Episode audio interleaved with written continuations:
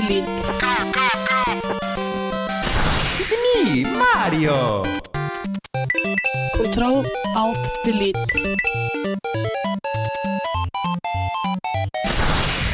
Unable to comply.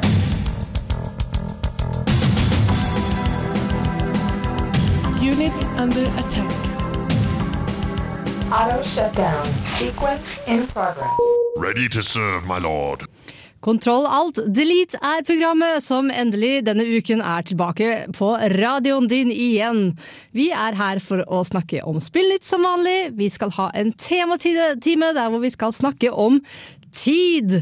Eh, Du skal altså få andre godbiter, men aller først så skal du få Force Field of Solitude av Perling Hess.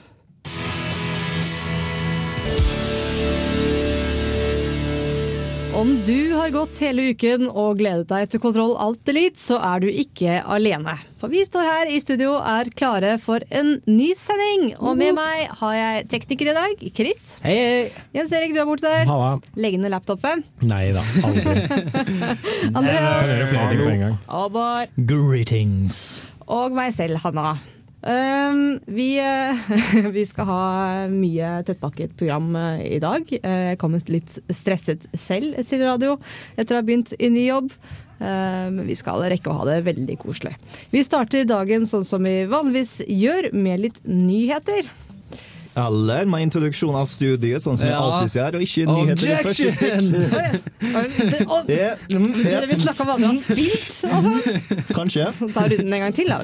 Chris, Ja, hva har du spilt siden sist? Um, siden sist så har jeg ikke spilt så mye. Jeg har um, jeg har spilt Burnout Paradise litt, liksom på kveldene. Men bortsett fra det så har jeg ikke fått spilt noe særlig mye. Altså, Jeg har vært så travelt. Men en ting jeg gjorde i dag, var egentlig ganske kult. Jeg var og sjekka ut Dimension 10 igjen, og de har en rigg inni det gamle postbygget i eh, Trondheim. Og det blir som en scene fra Skyfall, fra James, den James Bond-filmen. Der jeg er med på den der øde øya, og det er masse teknologi som ikke skal være der. Jeg skal poste et bilde på Facebook senere, men det var sjukt rart. Cool. Så det var, ja. Nei, det var min. Jens Erik, Hei. legg ned laptopen. Nei. Vil ikke. Hva har du spilt siden sist, da? Eh, det har gått veldig mye Minecraft i det siste, fordi eh, jeg og Mikkel, som jeg bor sammen med, og et par andre gutter fra radioen, har satt opp en multiplayer-server. Så vi går rundt og bygger og uh, lager gårder og setter opp innhegninger til kuer og sauer og høns, og det er liksom ikke måte på hva vi holder på med nå. Så jeg er litt i sånn prosess av å bare flate ut en hel fjelltopp, sånn at jeg kan bygge slott oppå. da. Oh. og så skal jeg eh, grave litt rundt og bygge litt sånn hemmelige ganger og liksom vollgraver og sånn. Det blir gøy. Det gjorde jeg en gang, men så endte jeg opp med at borgen min ble fryktelig stygg, og da var det bare en sånn stygg blokk på toppen av Nei, dette skal, eh, dette skal planlegges eh, så langt jeg gidder å planlegge det. Og så tenker jeg at jeg bare prøver å gjøre det så symmetrisk som overhodet mulig. Så får vi se hva som skjer. Var det med sånn vollgrav rundt? Så det så egentlig ut som bare et slott som bare har druknet i vann. Nei, nei, Problemet var liksom at jeg satt jo på toppen av et fjell, og problemet var at jeg gjorde slottet større enn fjellet. Sånn at det så ut som at du hadde liksom bare satt en svær kloss da, oppå en sånn liten eh, pinne, nesten. Så det så veldig dumt ut. Pretty pretty. Andreas, Oh, jeg har bare spilt uh, puzzle-spillet, prøver å få til uh, versjonskontrollsystem. Uh, for de holder på med et eh, sånn eh, IT-prosjekt, og det er, eh, ja, det er puzzle-spill nok, det å prøve å få det til. altså, det er liksom min, eh, min spilluke, da. Ikke sånn. Kanskje ikke så morsomt som jeg skulle håpe på. jeg kan se det for meg. Men i det minste har jeg eh, kontroll til litt. Så det blir litt sånn Redder dagen. Ja, Ja. redder dagen i uken. Ja. Hva med deg, Bård? Vel, Chris tok eh, nylig og bestilte inn et superduper-kort til å ta Ja, opp eh, Let's Play-videoer. Så da har jeg prøvd å komme i stemningen med å se på Giant Bomb sin Let's Play av eh, en av mine absolutte eh, favoritter, Persona 4. og jeg er sånn eh, i hvert fall 20 timer inn i den Let's Play. Takes Og forever! Den varer 100, den varer 100 timer til sammen. Mhm. Wow! Godt over 100 episoder, så eh, det blir mer som godnatta-historie, fordi at jeg tenker selvfølgelig så masse med. Jeg vet allerede det spillet inn og ut, så jeg bare har deg til å prate og preike og eh, lulle meg til søvn. Ja, min, min bror eh, Henrik elsket Persona 4, men eh, så er det sånn 100 timer. Hvor skal jeg få den tiden fra? Han sier Andreas, du må spille Persona 4. Det kommer ikke til å skje. Du kan ha det på som sånn bakgrunnsgreie hvis du sitter og spiller f.eks. Minecraft. Ja, men jeg vil spille det. Og ja, sånn ja, spille spillet. Mm. Bård brukte jo 50 spille, timer. 50 Det timer, det tar du på to helger. sånn helger. 60 timer, men Det eh, tar du på tre helger. Det går fint, det. Yes. Fredag, lørdag, søndag. Selv har jeg virkelig ikke de timene til å legge inn i spill om dagen. Jeg, jeg jobber nesten fulltid akkurat Oi. nå. Eh, Men jeg har jo lært litt av Bård eh, og begynt å ta med meg DS-en min på jobben. Bare for å la den ligge for Street Pass, eh, hvilket har vist seg temmelig innbringende så langt. Nice. Så ja, jeg får vel omtrent ja, ti nye om dagen omtrent, så vi får se hvordan God damn. Yes, Så jeg Mm, tar det er det igjen med stormskritt, dere som ligger så langt foran. Dere skal få nyheter. Spørsmålstegn? Yeah! Det, det er sånn gjøre det. Etter at jeg har hørt Kind of Sometimes Maybe. Jesse Ware, du hører på Kontroll Alt Delete, og vi er straks tilbake.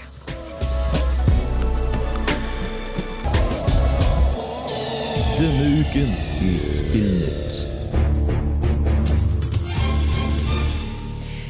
Velkommen igjen. Jeg lurer på om jeg skal starte alle sammen med 'velkommen til Kontroll Alt elite'. Det var introduksjonen. det. Er altså programmet du hører på. Vi er her for å snakke om spill, og nå spesifikt nyheter? Spørsmålstegn. Ja. Ja, vi skal snakke om introdusert oss, da. Ja, Bård, det har vi! Vi gjorde det i stad. Jens Erik, ikke lukke laptopen. Har du noen nyheter til oss? Ja, nå får jeg lov til å ha den åpen, altså. Selvfølgelig, nå trenger du den jo. Jeg har litt nyheter. Jeg vet at du, Hanna, er veldig glad i eh, Hearthstone, eller Hearthstone, eller hva pokker det heter. Hearthstone. Hearthstone. Ja, for en hearth er jo eller dette bålet inni et, for et vertshus eller noe sånt. Ja, ja. Og steinen du bruker, bringer deg tilbake til the hearth, altså ildstedet. Hver gang du åpner spillet, så kommer det noen skotsk gnom og sier 'Hearthstone'! Ja, så jeg vet Da vet jeg ikke.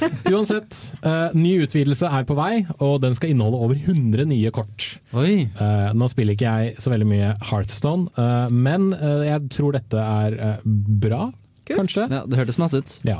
Eh, det folk litt er bekymra for, er om dette kommer til å gå hardt utover Balans. balansen i spillet, og ikke minst dette, hva dette har å si for de gamle kortene, som folk kanskje har brukt en del penger på.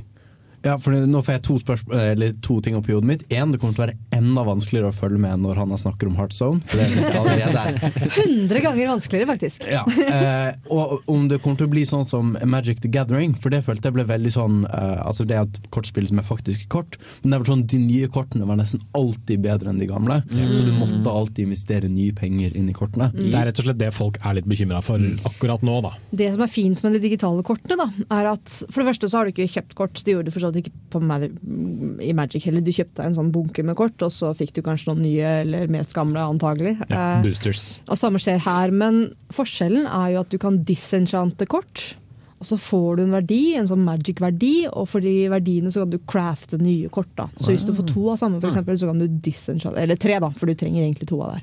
Så kan du disenchante det gamle, og så kan du bygge deg et nytt. da. Det koster veldig mye mer enn det kortet er verdt, men jeg tror ikke det er sånn at folk blir så altså sure da, for at man har brukt mye altså penger på det gamle, så lenge de holder det gamle oppdatert.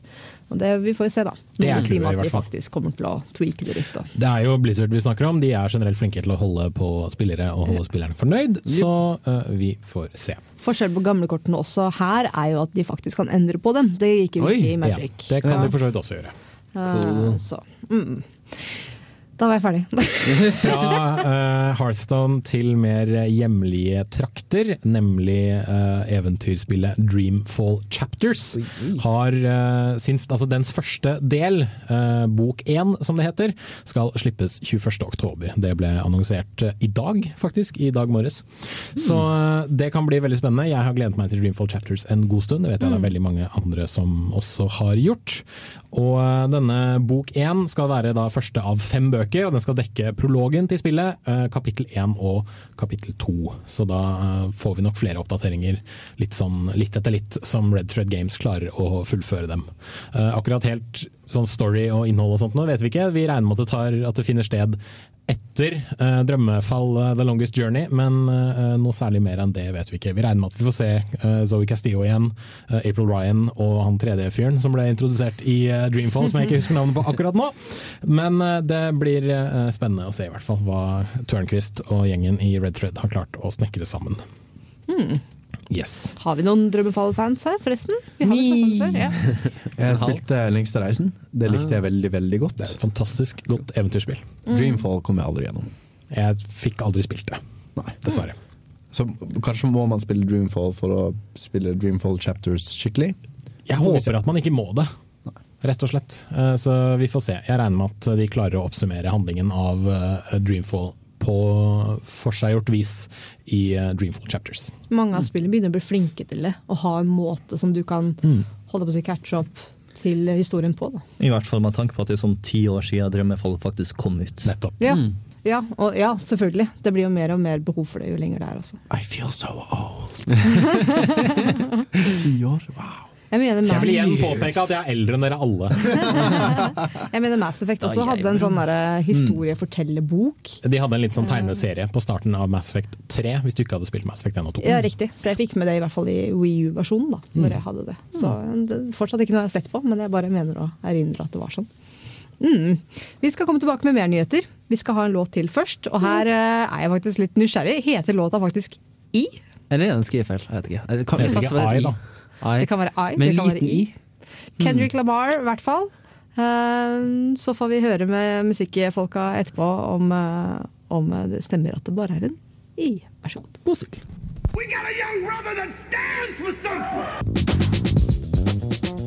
This is Three Dog, Ow! and you're listening to Galaxy News Radio, bringing you the truth, no matter how bad it hurts. Mm, yeah.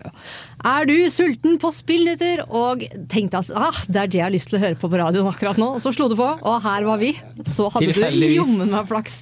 Det var det kleineste introstykket jeg har hatt noen gang, tror jeg. Jeg tror du må jobbe med den også, Hanna. Virkelig. Har du noen flere nyheter til oss, Jens Erik? Det har jeg. Uh, Loot Cave i Destiny har nå blitt stengt, men de som savner Loot Cave kan uh, få lov til å spille Interactive Cave Shooting Simulator som plaster på såret. Og for de som ikke vet det, Loot Cave var en hule i Destiny der du kunne eh, stelle deg opp utafor, plaffe ned monstrene som kom løpende ut, og så da etter ca. Ja, en halvtime kunne du gå inn og bare samle sammen alle godsakene som de hadde sluppet. Og så kunne du gå ut igjen og så kunne du bare fortsette å plaffe. Det var liksom, Folk lagde lag da, hvor de sto og skjøt inni denne hula hele tiden. Det hørtes egentlig jævlig kjedelig ut. Vet du hva? Det er visstnok en veldig kjedelig greie, men for en god del mennesker så var det det de trodde var den mest effektive måten å uh, få ny lut og Ja. nye levels. For det er det jeg syns er så sinnssykt interessant med Loot Cave. At folk gjorde noe som var kjedelig og repetitivt fordi de trodde det var måten å få det beste utstyret på. Det var det ikke. Eh, Den beste måten er å få reputation med en sånn factions, og så tjene reputation points, og så bruke reputation points i butikken deres. Det er da du, det er da du får, sånn du får det beste utstyret fortest mulig. Men det gidder de jo ikke gjøre. Nei, fordi det virker ikke som en sånn bombastisk måte å få uh, utstyr på. Det mest bombastiske er å skyte en ting, og så kommer det så fargesprakene, sånn som i Borderlands, som har klart det språket. da. Hvordan kan vi ha en økonomi basert på rykte? Bare sånn i Det er sånn fem forskjellige eh, økonomier i Destiny. da. Du har sånn fem forskjellige typer Oi. penger du kan bruke, og, økonom og liksom dette med liksom rykte er en av dem. Greit nok, men jeg kan bare gå inn i altkjøp og si i verdensgreie skal Hvis du gir meg den PlayStation 4 der nå, så er jeg en ganske OK type. Tydeligvis ikke. Du har åpenbart ikke spilt WoW. Jeg tror, jeg tror det er litt det at når spillere finner en, liksom, en ting å utnytte, så kommer de til å utnytte den tingen selv om det ikke er den mest effektive måten å få tak i ting på. Fordi da, Det er liksom som å gi fingeren til spilldesignerne, og liksom gi fingeren til de som har prøvd å liksom skape dette her. Da. Det er litt som å bare gjøre ulovligheter og bryte seg inn i butikker, når de egentlig kunne fått deg en skikkelig utdannelse og jobbet masse og fått masse penger isteden. Ja. Ok, vær Er det sånn. Vi går er det sånn du vinner Norge, liksom? Uh, fra Destiny til uh, Steam, fordi uh, Valve har nå rullet ut en musikkspiller til Oi. Steam. Eh, tidligere, hvis du ville spille din egen musikk over spillene du spilte, så måtte du kjøre det i en separat avspiller. Nå kan du bare kjøre det av rett i Steam. Ja, Hanna. Hvor mye info er det gitt om det? Er det sånn at du får på alt-taben din eksempel, får du en egen spiller? Ja, for det kommer inn i dette Steam Overlay. Da kan du drive og styre og Du rote. må skru av musikken i spillet du spiller? Ja. Ah. Vet du om den er Spotify-integrert? Uh, det tror jeg ikke den er, men du kan laste opp dine egne MP3-filer i denne spilleren hvis du har det på PC-en din, Ah, eller okay. du kan bare spille av musikken du har kjøpt i Steam. Fordi en del sånne deluxe-utgaver på Steam det Ja, ja. kommer med musikk. Mm. Uh, så da er det bare liksom laste den rett opp dit. Ja, fordi Det var det første jeg tenkte når jeg hørte Steam skal ha musikkspiller, var disse soundtrackene som man kan kjøpe med spill. Yep. Men jeg tenkte, er det noe vits? Jeg har kanskje to soundtracks. da vil jeg heller liksom sitte og høre på Spotify. Det er, vel, det, er vel, det er veldig mange som jeg vet, eh, de som f.eks. streamer uh, Spelunky, of Isaac og en del sånne rogelike-spill, de foretrekker å spille sin egen musikk fordi de har spilt spillene så ofte at de har rett og slett har blitt drittlei musikken som er innad i spillet. Så de bare bytter det ut med det de selv vil høre, og det har jeg full forståelse for. Først så tenkte jeg mm, åh, nei, eh, uten Spotify. Og så tenker jeg litt at hm, den musikken jeg hører på når jeg spiller spill, er ofte en helt annen type musikk Ja. enn en ellers. da. At, og det er faktisk veldig mye av den musikken jeg hører på når jeg spiller spill som ikke er på Spotify, for det er veldig typisk spillrelatert musikk. da. Men jeg tror det som er veldig interessant med spillmusikk også, er at du har musikken lager slik at den enkelt kan komme inn på plutselig tidspunkt. Plutselig så skjer det noe skummelt, og så kjenner det dramatisk musikk, og så plutselig skjer det, så er det borte, og så er det bare ja, nei, nå er det rolig igjen. Mens øh, ja, med vanlig musikk så har du ikke den samme muligheten. Der er det jo tre minutter med én mood, da, ikke sant. Kanskje det utvikler Så det er seg, så sånn at de legger inn sånn stemningstriggere. Uh, sånn at du kan legge inn sånn forskjellige moods. Det og så kan hadde du faktisk vært ganske til- kult. Mm, det hadde vært stilig. Jeg vet ikke, kanskje. Uh, helt til slutt, Battlefield Hardline utvikler Visceral Games lover at Battlefield Hardline skal være fullstendig spillbart ved lansering. Fordi uh, Battlefield 4 var en katastrofe da det kom ut. Høst, uh, høstpatchen kommer i løpet av oktober en gang. Den er på ca. 1,16 gigabyte. En patch, altså. Og så ja, Visceral sier hei, vi skal kvalitetssikre dette her. Hvorvidt det går, det venter vi å se. Det faktum at dette er nyhetsverdig, gjør at jeg har lyst til å gå og skyte meg selv. Ja, fordi se, se for deg at du sitter ved siden av noen på bussen, og så snur personen deg, og så sier han 'Jeg har ikke tenkt å rane deg'. I det hele tatt. Og så snur han seg tilbake igjen. Du er jo ikke mindre bekymret nå! Nei.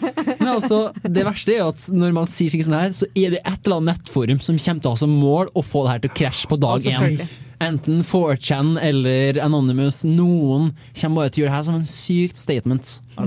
Det kommer til å skje. Om de klarer å bevise at de er umenneskelige eller ikke, og ikke er kapable til å gjøre feil, det får vi se når spillet har sin release, tror i hvert fall jeg. Nå får du ek... ek, ek God. Nei, du får ikke Gud. Ek-Types 22. Vær så god, jeg tar meg en pause.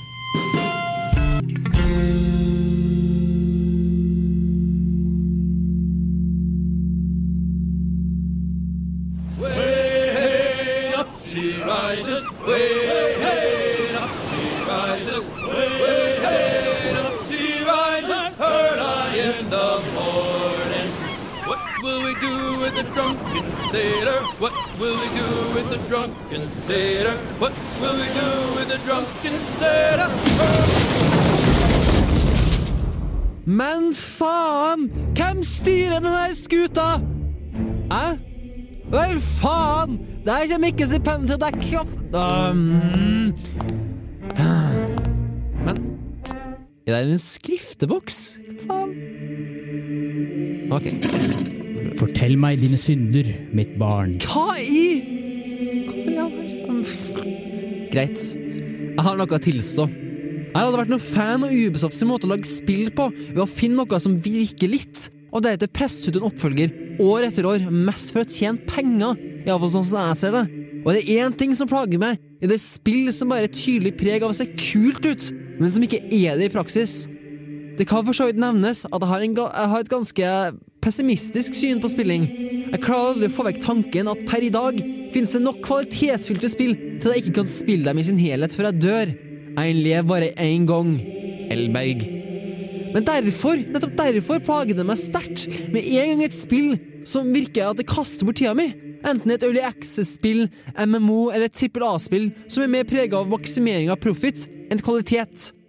Men det jeg ikke skjønner, er at jeg digger Assassin's Creed 4, Black Flag.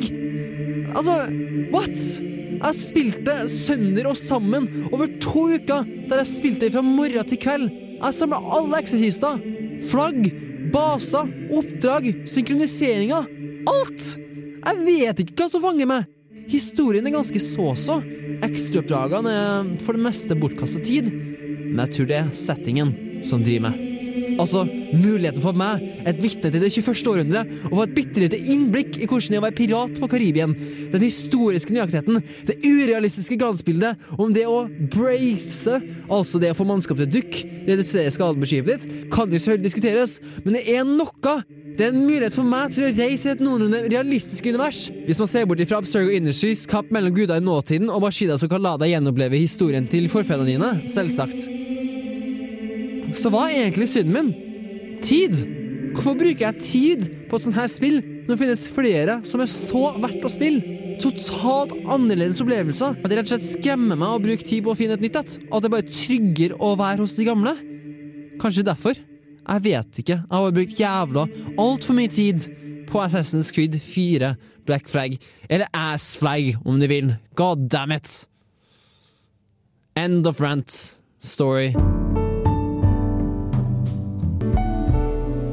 Hei, jeg er Trond fra DOS Studios, og du hører på Kontroll Alt Elite. Blå matematikk med Harr og Hartberg fikk du på kontroll alt delete. Og før det så hørte du et eh, innslag av Skrifteboksen. Som er egentlig akkurat det de gir seg ut for å være.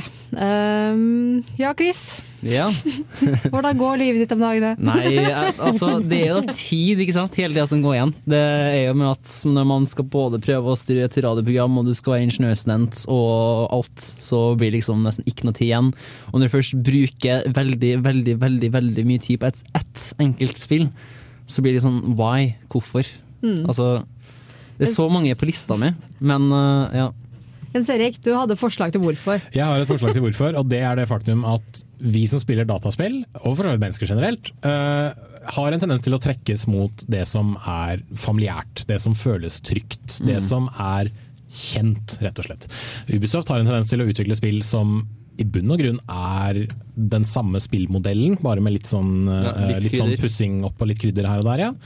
Og jeg tror rett og slett det er eh, villigheten til å bare spille noe og bare liksom nyte det for det det er, som gjør at du trekkes litt mot dette. Og ikke minst det at f.eks. hvis man skrur på TV-en en sen kveld, tenker at nå har jeg lyst til å se på en film, og så bare flipper du gjennom kanalene, så der finner du en film. Mm. Det er litt sånn middelmådig film, kanskje. Du liker det kanskje ikke sånn 100% men vet du hva? det er litt underholdning i halvannen time, to timer. Fordi du gidder ikke å lete gjennom Netflix-køen din. Du gidder ikke å lete gjennom eh, DVD-samlinga di eller Blu-ray-samlinga di for å finne noe å se på. Fordi det er sånn, åh, ja, men Hvis jeg skal se det, så må jeg være i det humøret. Og det er ikke sant? Du er i sånn eh, humør, ikke sant? Du vet ikke helt hva du, hva du vil. Så Derfor er det mye enklere å bare si Vet du hva, jeg kaster uh, min uh, Jeg kaster meg selv til løvene, holdt jeg på å si, og ser hva som kommer. Og det som kommer, er liksom det spillet som står i maskina hele tiden. Og i ditt tilfelle akkurat nå, så har det vært Assassin's Creed 4. Men jeg tror også um, Chris eh, toucher borti noe viktig. Altså, sitter vi her av og til og føler vi har sløst bort mye tid på spill? For vi er, altså, vi er jo en, en gruppe mennesker som spiller en del spill. Wow. Eh, og, måte, og vi synes jo tydelig Altså, vi er jo et spillprogram, vi mener jo at spill egentlig er noe som er verdt tiden vi bruker på det. Men har dere jeg har av og til satt sånn shit, det er sløsing av verdifull tid på. Det vil jeg heller brukt på noe annet. Nå kjører, kjører jeg gjennom hodet mitt masse sånne begreper. Sånn der, ah, guilty pleasures og masse annet tull. Uh, men jeg har jo det, for all del. Men kanskje ikke de spillene som andre tenker på at ah, dette har du kastet bort mye tid på. Jeg fikk høre den mye når jeg spilte World of Warcraft, f.eks. Mm. Dette har du spilt i seks år. Herregud, angrer du ikke på at du har brukt så mye tid på det? Og nei, jeg gjorde ikke det. For jeg hadde det jævlig gøy hele tiden mens jeg satt der. For hva er egentlig bortkasta tid? Ja, nemlig. Da må du jo føle det selv, da. At dette er noe som du følte at ah, her kunne jeg gjort noe mye mer fornuftig eller bedre eller morsommere eller hva som helst. Nei, altså mitt største problem er når spill har sånn herre Så mange timer har du spilt frem til nå? For når du ser liksom et, en telling på hvor mange timer du har hatt, det er sånn ah, hva gjør jeg med livet mitt? Eh, Så sitter jeg og tenker på det et minutt, og det er sånn ah, fortsett da. Steam er Done. drøyt på det. Steam er veldig, veldig drøyt på det. Et av mine problem er at de har vanskeligheter for å investere tid. Det er veldig lett å gjøre små investeringer litt etter litt, så jeg kan f.eks. ta og se sånn fire episoder av en eh, ganske grei sitcom, men det å sette seg ned og se en film det er sånn, «Eh, Jeg vet ikke om jeg har lyst å investere to timer i det. Og et spill? Jesus Christ, jeg har lyst til å bruke hele kvelden min på dette. Så ja.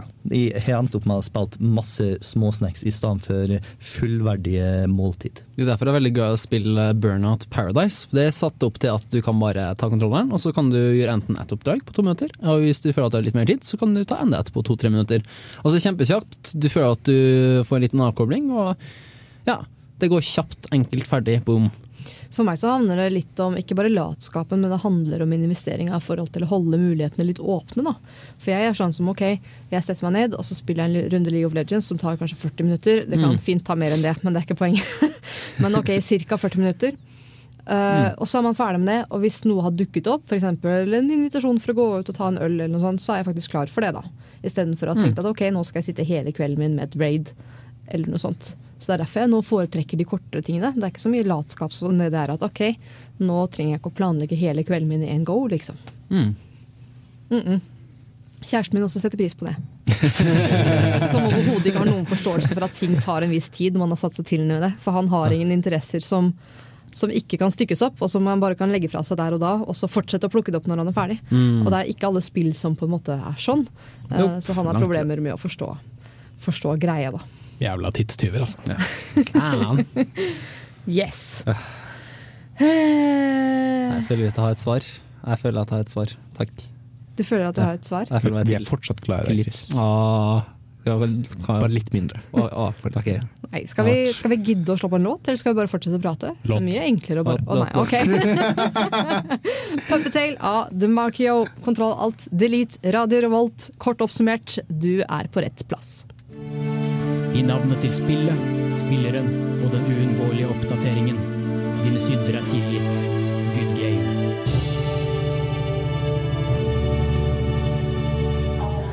Now hear this. Them a do the puppy tail.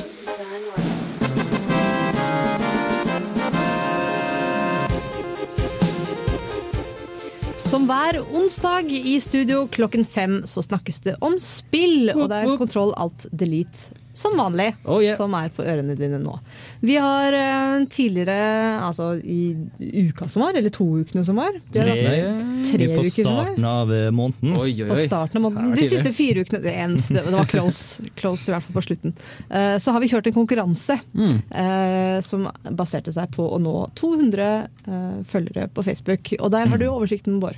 Ja, da vi begynte så har vi sånn noe over 150 stykk på Facebook. Og så lovte de ut at eh, dersom jeg tar og får mer enn 200 stykk, så skal jeg ta og gi bort et av spillene mine i inventoryen min på Steam. Og eh, det klarte vi å få gjennom. Vi er for øyeblikket 224 stykk som liker nerdeprat på Yay. Facebook. Og jeg har tatt og trukket en tilfeldig vinner fra de som liker nerdeprat. Jeg har også passet ganske godt på at dette er en person som ikke er med i studentmedien. Denne personen heter Sondre Olai Spjeld. Og jeg kan ta og velge mellom blant annet Han kan komme inn fra friminuttet! Det var det jeg tenkte. Ja. Han kan velge mellom annet The Swapper, Thomas Was Alone, System Shock 2, Brothers, Bully og alt mulig rart annet som jeg har i inventoryen min. Dersom han ikke svarer på meldinga jeg sender han i løpet av tre dager, så tar jeg og velger en ny person som kan ta og vinne. Dersom han svarer og du fremdeles har lyst på et spill, så er det fremdeles mulig for deg å vinne, fordi at jeg likte hvordan dette gikk så godt at jeg har lyst på 250 stykk totalt, minst, innen oktober er ferdig. Kjør Hvordan ligger vi an nå, da? Nå så har vi som sagt 224. 224, og, stemmer. Alle, 26, alle sammen som liker nerdeprat eh, med kontroll til litt på Facebook for øyeblikket, er selvfølgelig med i den neste trekninga også. Yeah. Så ikke vær redd for å ta og eh, invitere en venn i frykt for at det skulle ta og ødelegge vinnersjansene dine. Jeg er skikkelig fornøyd, jeg. Tenker sånn, ah, bare 50 stykker. Men hallo, det er faktisk en fjerdedel av vår nåværende base. Yeah! Så det setter vi veldig, veldig pris på. Smask. Mm. Jeg håper bare at noen av de som har likt siden vår, også er glad i spill. Det får- Sånn går det med sånne vervekonkurranser på spesifikke interesser, da. Ja. Men, uh, hmm. Jeg satser på at det finnes en god del spillinteresserte i Norge som uh, forstår norsk. Altså, vi, la, vi syns jo det er utrolig morsomt å lage radio, og vi står jo her fordi vi syns det er gøy å lage, eller snakke om spill fordi vi liker spill. Så er det jo bare en bonus om noen andre liker det også. Hmm.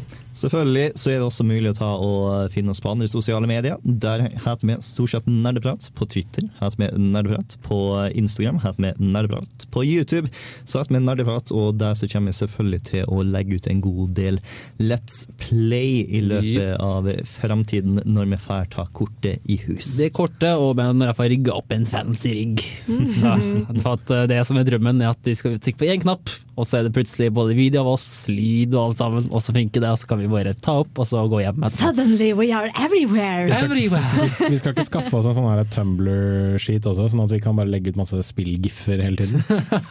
Oh boy. For så vidt jeg har skjønt, så er Tumblr bare liksom, Tumblr er et samlested for giffer, har jeg skjønt. at Jeg, jeg likte kanskje vi gikk fra Let's Plays til Tumblr og GIFs. Tumblr har ikke så godt rykte, Jens Erik. Ja, det vet jeg. Det er jo rotete. Let's gif. Let's, oh, Let's gif Let's gif. Let's give something back. Yes. Ha, ha, ha. Nå som dere har fått oh, I'm on fire. Nå som dere har fått masse muligheter til å kontakte oss på, så kan dere også la oss vite om dere likte det å ha konkurranse. Mhm. Det er absolutt ikke usannsy- usannsynlig at vi kan finne på andre ting å ha konkurranse for også. Nope.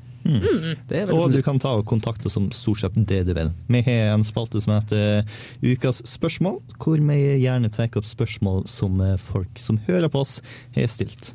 Nå som vi i fare for å eh, høre mer og mer desperate ut. Dere kan egentlig bare sende noe en post om hva som helst. Før det blir altfor ille, skal du få Wanna Be A Stranger med Justin Towners Earl. Don't wanna walk away, but Mega Man.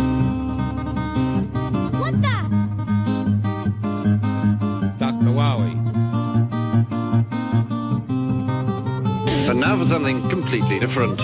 Dr. Wally. Kontroll alt delete! Sånn stygt, Oh oss faen vi, eh, vi er kontroll alt delete, men snart er vi ikke kontroll alt delete. Noe mer denne uken.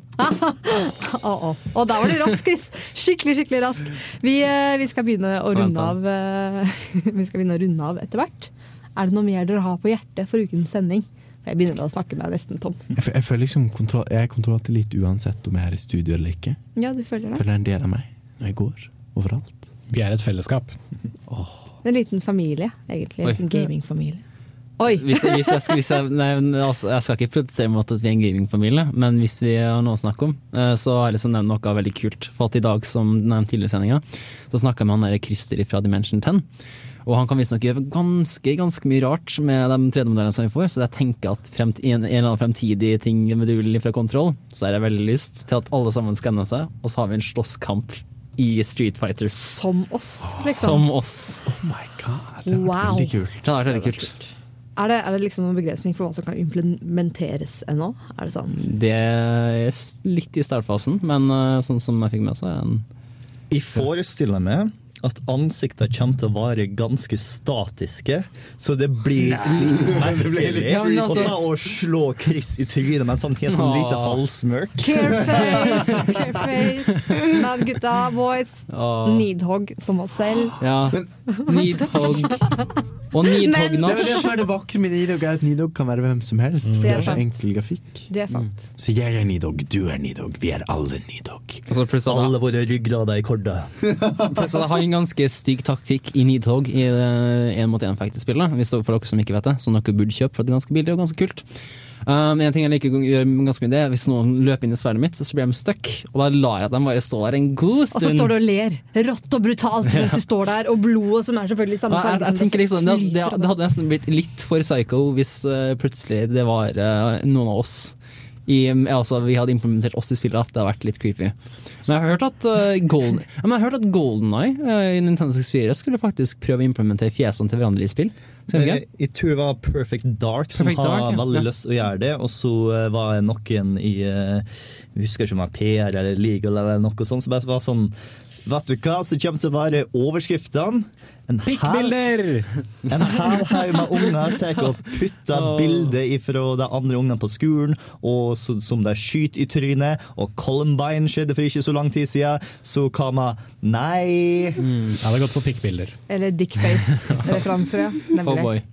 Ja, ja. Kan man bytte ut pistolen med en liten penis? Menneskeheten, altså.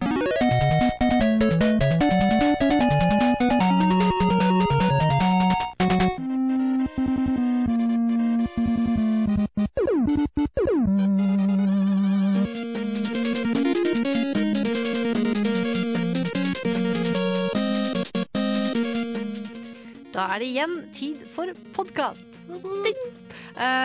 og vi skal i dag snakke om tid. Eh, og hvorfor ler du så fælt, Chris? Åh, nei, du selv om jeg posta på sosiale medier at jeg skulle få folk til å tippe, og så var de eneste som tippa, var eh, Jens Erik og kjæresten, som ikke engang ga et tall. Og jeg tippa fem. Dere er så søte, dere kan sikkert Ja, jeg- slå av mange vitser. Tippe hva?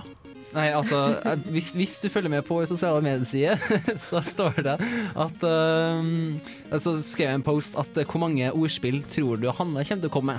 Det vil kun tiden tiden Om vise. tid, da, selvfølgelig. Mm. Fordi det er det som er temaet i dag. Mm. Eh, og jeg har gleda meg til det, fordi uh, forrige uke så spurte Gris pent om ikke jeg kunne være programleder denne uka, uh, for han har litt skole å catche opp med.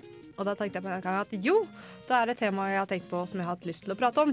Og denne ideen kom til meg uh, mens jeg spilte litt World of Warcraft, faktisk. Mm.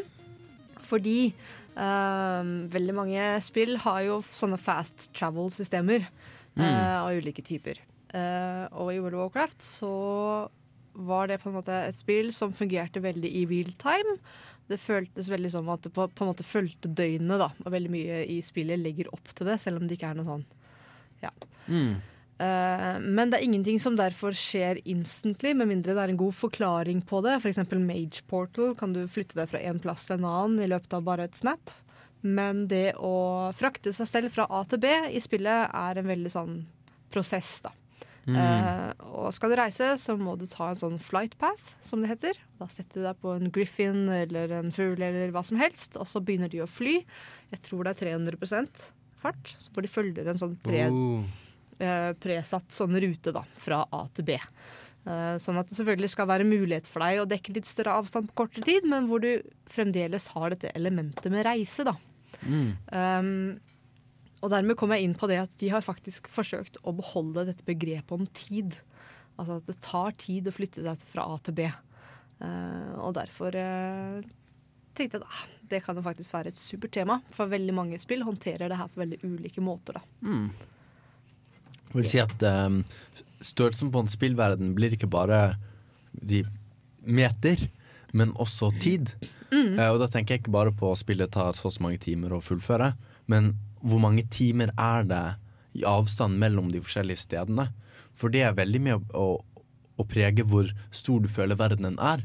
Mm. World of Warcraft føltes kjempestort. Mm. Fordi jeg hadde um, Når jeg spilte World of Warcraft, det begynner å bli en stund siden, så hadde jeg fått det for meg at jeg ville spille i Dead Minds, Mm. som er en sånn uh, dungeon. uh, og jeg hadde ikke skjønt at du kunne liksom eh, bli med i en gruppe, og så kunne du liksom bare ta dungeon og så komme tilbake til der du var. Så jeg gikk det for meg jeg må reise. Ja, men sånn var det før. Ja. Hvis det er lenge siden du har spilt. Det var kanskje så lenge siden at du ikke kunne teleporteres på noen måte. Ja, for det er ganske nytt. nemlig. Ja. Så jeg måtte liksom Jeg måtte reise helt til Deadmine, og jeg spilte en uh, elf. High, uh, night elf. Night elf priest spilte jeg. Og da måtte jeg reise helt fra Alveøyen til Deadmines. Mm. Og det tok kjempelang tid. Men Da skal du flytte deg over et kontinent. Ja. Det er én ting, så først må du ta båt. Mm. Uh, og der jukser de litt, fordi du setter deg på denne båten, og så begynner den å seile ut. Og så seiler du en god stund, og så får du en sånn loading screen da, hvor Mm. det står sånn stipla opp på kartet hvor du har tatt båten hen. Og så på en måte loader den på rett kontinent, og så venter du en god stund til mens båten på en måte legger til til havn. Mm. Så det er litt juks, men, men fortsatt veldig godt sånt innlagt at dette tar faktisk en del tid. da. Men jeg spilte ganske mange timer. Over, jeg tror faktisk over et par dager. For å komme meg helt til Deadmines. Så da, da føles avstanden så stor. Selv om på en måte i antall meter, i antall ting mellom A og B, Mm. så kunne det vært like mange. Men hvis man hadde liksom flydd på eh, en halvtime, så hadde det ikke føltes så stort. Nei. Så man kan ikke bare snakke om altså Mange poster jo sånn store kart når de lager det neste Open World Game. Uh, så poster de et svært kart, og så stor er vennen vår, og, og vår venn er dobbelt så stor som den forrige. Mm. Men det var ikke bare å si hvor stor den er i uh, bits, holdt jeg på å si, men hvor stor er den i tid? Mm. Uh, og det, det er av og til uh, Elder Scrolls-spillene vært litt syndere. At du kan fast-travele overalt. Ja. Da føles ikke spillet så stort lenger. Men jeg føler liksom at også at de gjør noe litt rett også. Blant annet med at du har veldig mye som Hvis du tenker deg at du skal til by X, så skjer det veldig mye fra du går fra der du går fra, og til by X. Altså det er veldig Enten så er det en eller annen random event, eller så er det en Quest som plutselig starter som er veldig interessant, eller noe sånt.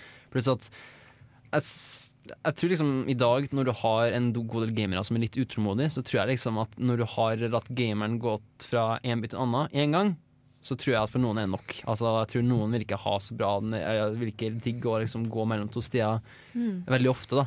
Spesielt hvis du må gjøre en del fetching eller noe sånt. Da er det kjempeirriterende å måtte bruke lang tid mellom stier. Men, ja, men jeg ser jo også hvordan det kan påvirke opplevelsen også, ved at hvis du kan bare fast travel for å gjøre en fest quest Fest quest Fest quest. God damn it. Så fest quest. Fest quest. Woop, Nei, men uh, Partyhatte. Nei, men altså hvis det går kjempefort å gjøre det, så føler du ikke som om du har gjort noe stort. Men hvis det tar Nei. kjempelang tid, og du har shit, den questen her tok meg et par timer, da er det liksom noe du kan bragge litt om. Men igjen, hvis du bare kan si ah, jeg er faster hit og hit og hit, så er jeg ferdig. Da er det ikke noe achievement. Nå, det, nå ble dette mer om avstand enn tid. Jo, Ja. men det henger veldig, Ja.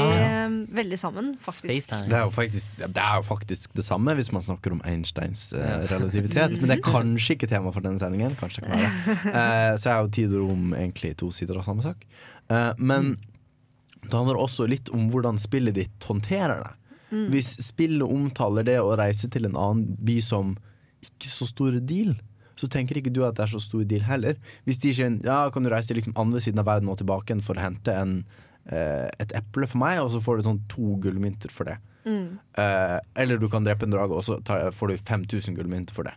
Da tenker du at å ja, å reise til andre siden av verden Det er liksom ikke noe big deal. Da er ikke dette så stor verden. Mm. Mens det er litt sånn å du, jeez, jeg trenger din hjelp. Jeg må ha noen som kan reise til byen ved siden av. Fordi liksom Å, hesten min brakk ankelen i forrige uke, og det er ingen måte å komme dit. Det er kjempelangt og kjempefarlig. Å, jeg må ha din hjelp! Sant? Da føles det som en big deal Ja. å reise til et nytt sted. Og da det er liksom bare det å skape den følelsen av at det er langt, gjør det større. Mm. Og også da liksom forskjellige sider av Ja, altså eh, Igjen, jeg begynte å spille litt World of Warcraft igjen. Det er vel alle har fått det med seg nå.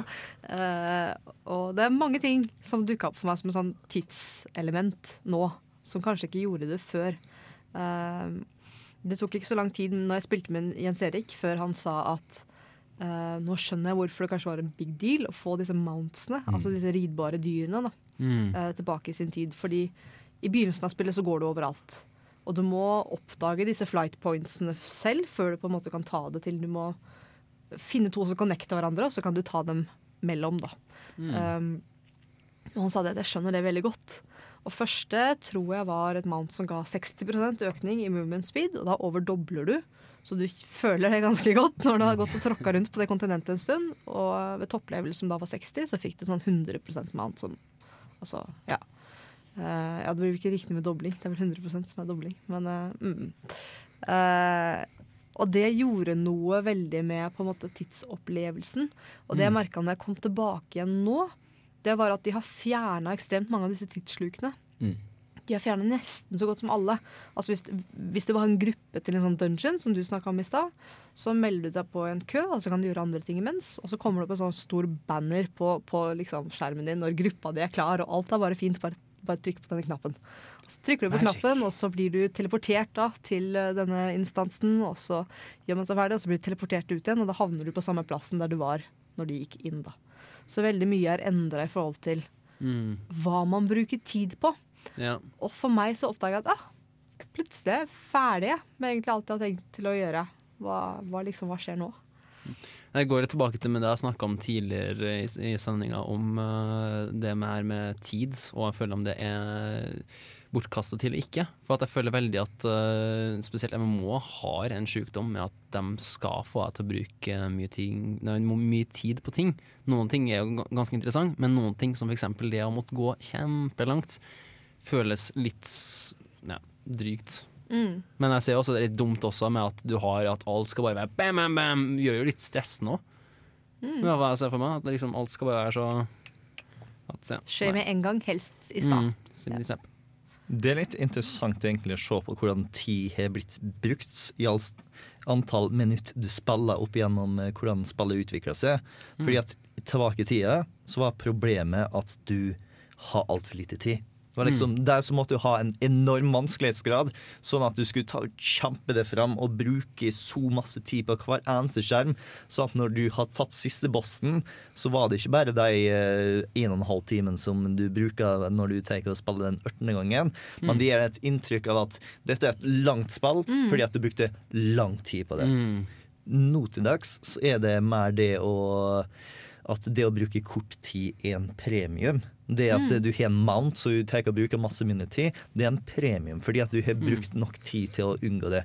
Det å kaste inn et par kroner ekstra på mobilspillet ditt, sånn at du kan ta og bygge det fortet med en gang, istedenfor å vente en uke til at du skal bygge det opp ressursene, det er en premium. Jeg synes det, Man mister også noe når man forteller til spillerne at 'å, dette er så kjedelig'. At på en måte, det beste du kan gjøre, er å skaffe deg den tingen, sånn at du ikke må Mm. spille den delen av spillet. Eh, så det er en balansegang å gå. At én, du vil ikke at spilleren skal gjøre det samme så mange ganger at det blir kjedelig. For den første gangen du drar gjennom hele Azeroth, så er det superspennende, og da er det et eventyr. 15. gangen, så er det liksom, da er det husarbeid. Mm. Ja, men det gir liksom et godt inntrykk av å ha fullført noe når du har brukt tid på det. Grinding, for eksempel, er et Mm. klassisk eksempel der. På dersom du har tatt og hatt sånn to kamper per level, så har jeg ikke følt så fortjent når du var level 100, som når det er sånn 20 kamper per level, eller Ja. 50, og du bare har brukt evig lang tid, og du har satt det sjøl, utviklet det før kamp til kamp nesten, Mm. og plutselig nå en av mektige beistet som har 100 levels og 200 timer bak seg. Mm. Nei, de som designer sånne spill, som skal spille så lenge tid, vet jo hva de driver med. De legger opp spillet på en måte slik at du, du vil jo gi spillerne et insentiv til å fortsette å spille så mye som de gjør. Og det vi har Mm. det ved at i begynnelsen så får, føler du at oi, veldig mye nytt. Du blir levels med en gang, og alt er bare um, ganske smooth. Og så plutselig så må du bruke mer og mer tid, Også for at det har jo litt det her med dopamin. Eh, Dopamin er jo et stoff som får deg til å føle ganske bare lykkerus, egentlig. Et rusmiddel! Et rusmiddel. Men altså det, And det, your men, dealer is your body. ja, men det er jo det med at ikke sant, det, blir jo lengre, lengre mellom hver level, og det blir også lengre, Mm. lengre mellom hver dopaminrush, da Men det, er liksom, det det blir jo verdt det. Mm. Og jeg, tror derfor, jeg skjønner veldig godt. Jeg har jo spilt MMO sjøl også, og jeg har opplevd den samme følelsen. Og jeg syns jo digg å jobbe skikkelig hardt for noe, og så endelig, endelig oppnå det. Jeg føler Sånn som WoW har blitt nå, så prøver de litt for hardt for å få det til å vare lenge. Fordi sånn som de har gjort det, så kan du gå dungeons og sånn, og raids. Og da får du noe som heter valor points. Ah. Uh, og for disse valor points så kan du kjøpe deg uh, nytt gear, eller oppgradere gear du har, osv. osv.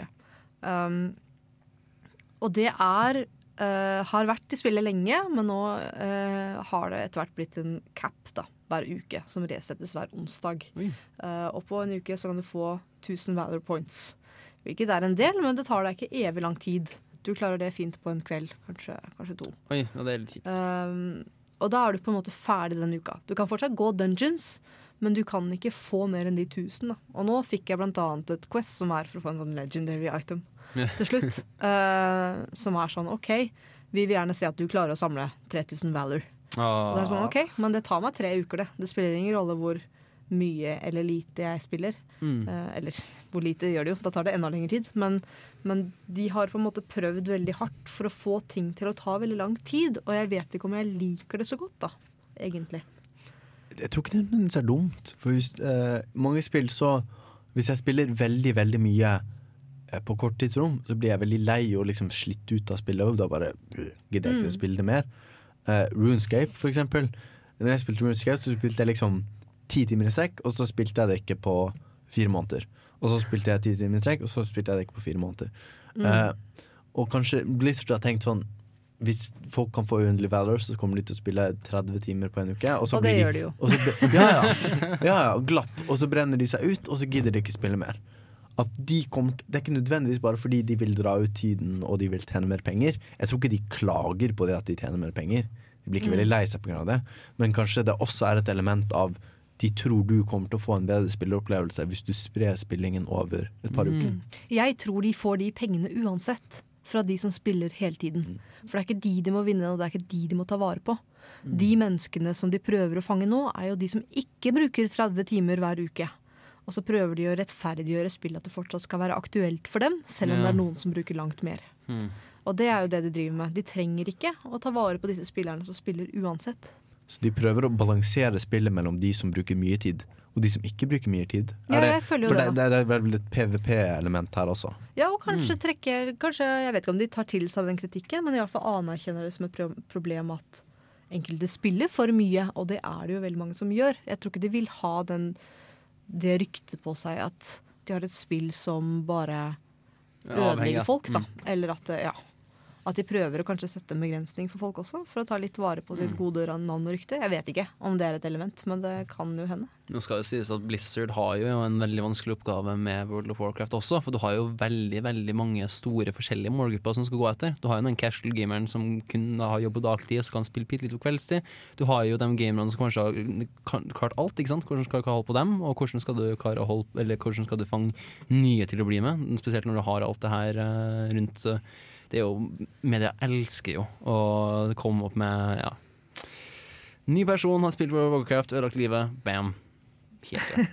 Ja, men det, i en periode så var det jo det i VG nesten hele tida. Ja, det var jo, da fikk, jeg fikk jo forbud av mora mi for å spille. Ja, det er sant. Uh, vi skal snakke, vi, vi må sette i gang litt låt. Vi har mm. masse som jeg har lyst til å gå gjennom. Vi skal ikke bare snakke om hvordan vi uh, bruker tiden vår. Vi skal snakke om også andre elementer, hvordan spill håndterer tid. Eh, ja. Stort sett, eh, stort sett var det ikke å si om det. Det var derfor du skulle satt i gang Å, musikken. beklager, jeg er ny. Det er Selda du hører i bakgrunnen Uh, title theme fra Ocarina of Time.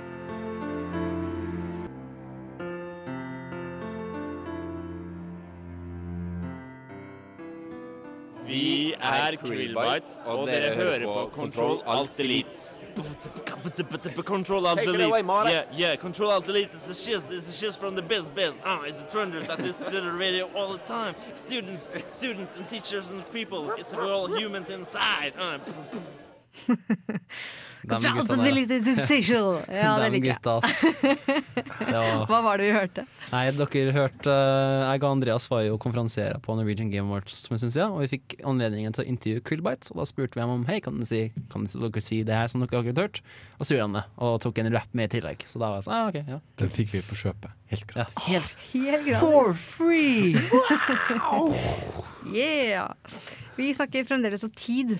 Tid og spill. Mm. Um, jeg tenkte å ta opp det her med Jeg syns, jeg syns hele temasendingen i dag har vært vanskelig å planlegge. For jeg har hatt, hatt veldig mange ideer, og så har det bare sklidd inn i hverandre. Ja, men det er et veldig stort tema. Også, tid er et veldig stort tema. Det var min konklusjon også. Um, Så men du brukte veldig masse tid på å planlegge? stemmer. Skulle jeg ta det, skulle jeg ta Vi Yeah. har er kun snakk om timing, vet du. Oi, oi, oi, oi, oi. Gode gud, nå må jeg redde dette inn før folk skrur av programmet, tror jeg. Men for meg så er dette sekundært. oh, den tok meg faktisk et sekund. Ah, men det, det, det var jo litt lavmål å kalle litt sekundær. Nei, nei, det å komme med ordspill er sekundært for meg. Ja, Ja. ok. Akkurat nå så tror jeg det ikke på det. Jeg tror jeg ikke på det. Herregud. Jeg tror ikke på det et sekund! Folkens, fokus! Okay. Dette er faktisk litt viktig. Nei da. Hvis dere har spilt spill eh, over en viss tid Siden dere var små. Det, det var ikke et ordspill, det var bare Det var, det var bare Det var Entendre. Det var ødelagt av miljøet akkurat nå. Um, jeg har spilt mange spill opp gjennom tidene som uh, har Gud, dette kan bare ikke bra. Igjen, single entendre! Single, ikke double. Du får ikke noe for den, Altså. Nei, nei, nei, jeg skjønner det. Jeg skjønner det. det var litt sånn juks. Opp gjennom eh, min barndom og voksenliv eh, så har jeg vært borti en del spill eh, hvor det er en god del baner eller deler av spillet som har vært tydelig inspirert av tid. Um, første som kom uh, fallende inn i hodet mitt når jeg begynte å tenke på det, var for så vidt Super Mario 64. Ja. Uh, der er det en bane som heter TikTok Clock. Eh, og for, for de av dere som er kjent med det eller ikke kjent med det, så startet du denne banen ved å rett og slett Det er en sånn gammel bestefarsklokke som Mm. står i spillet.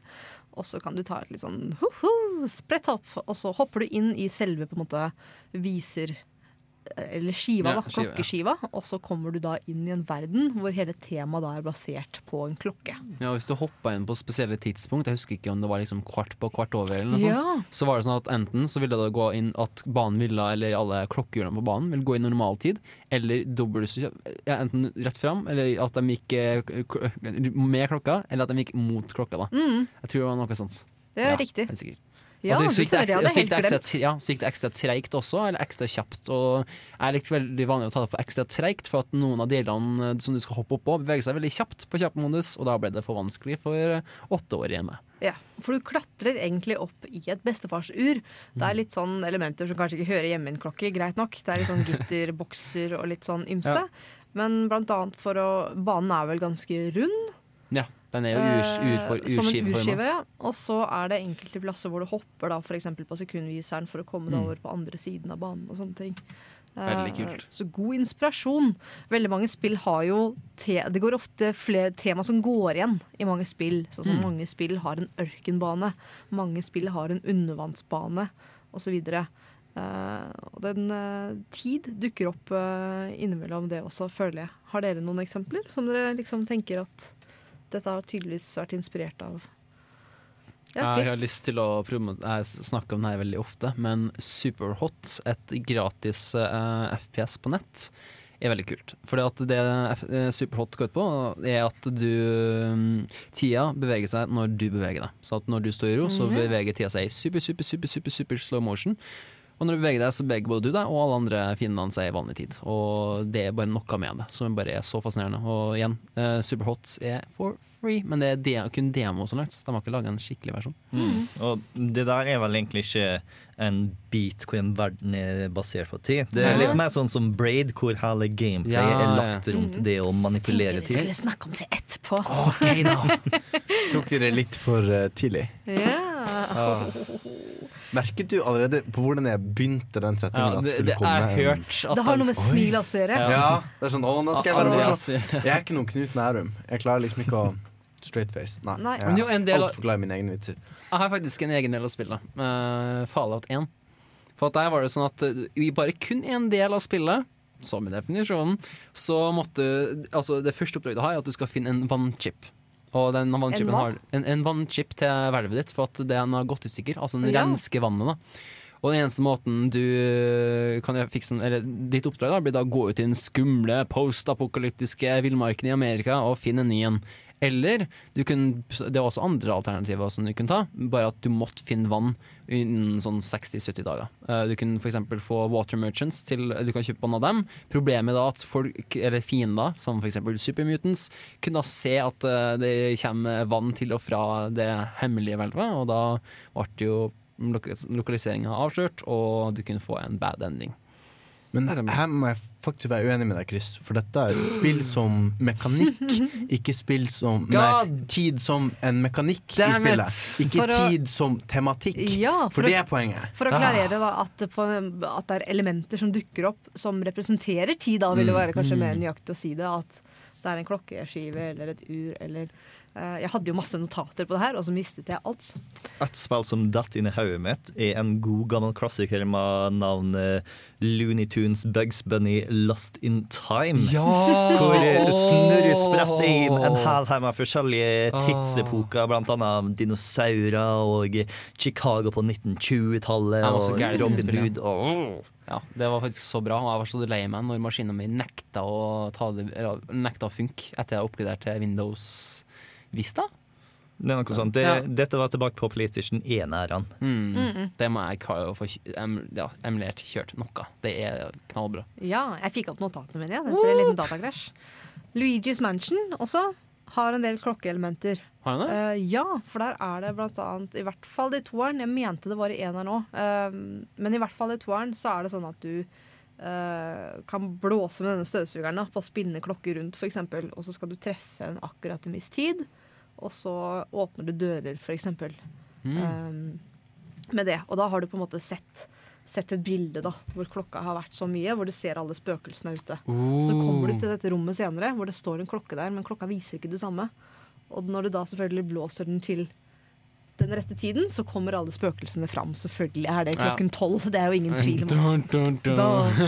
Eh, men ja. Så er vel litt, så er vel litt tid som et puzzle-element. Mhm. At noe skjer på en spesiell tid.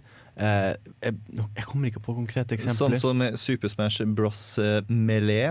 eh, Super, jo, ja, hvor du, dersom du på adventure mode på andre brettet tok og kom inn sånn at du fikk to i tidspunktet ditt, Mm. så ville Luigi ta og dukke opp, og hvis du slo han da, så fikk hun som uh... Ja, sånn det. Ja.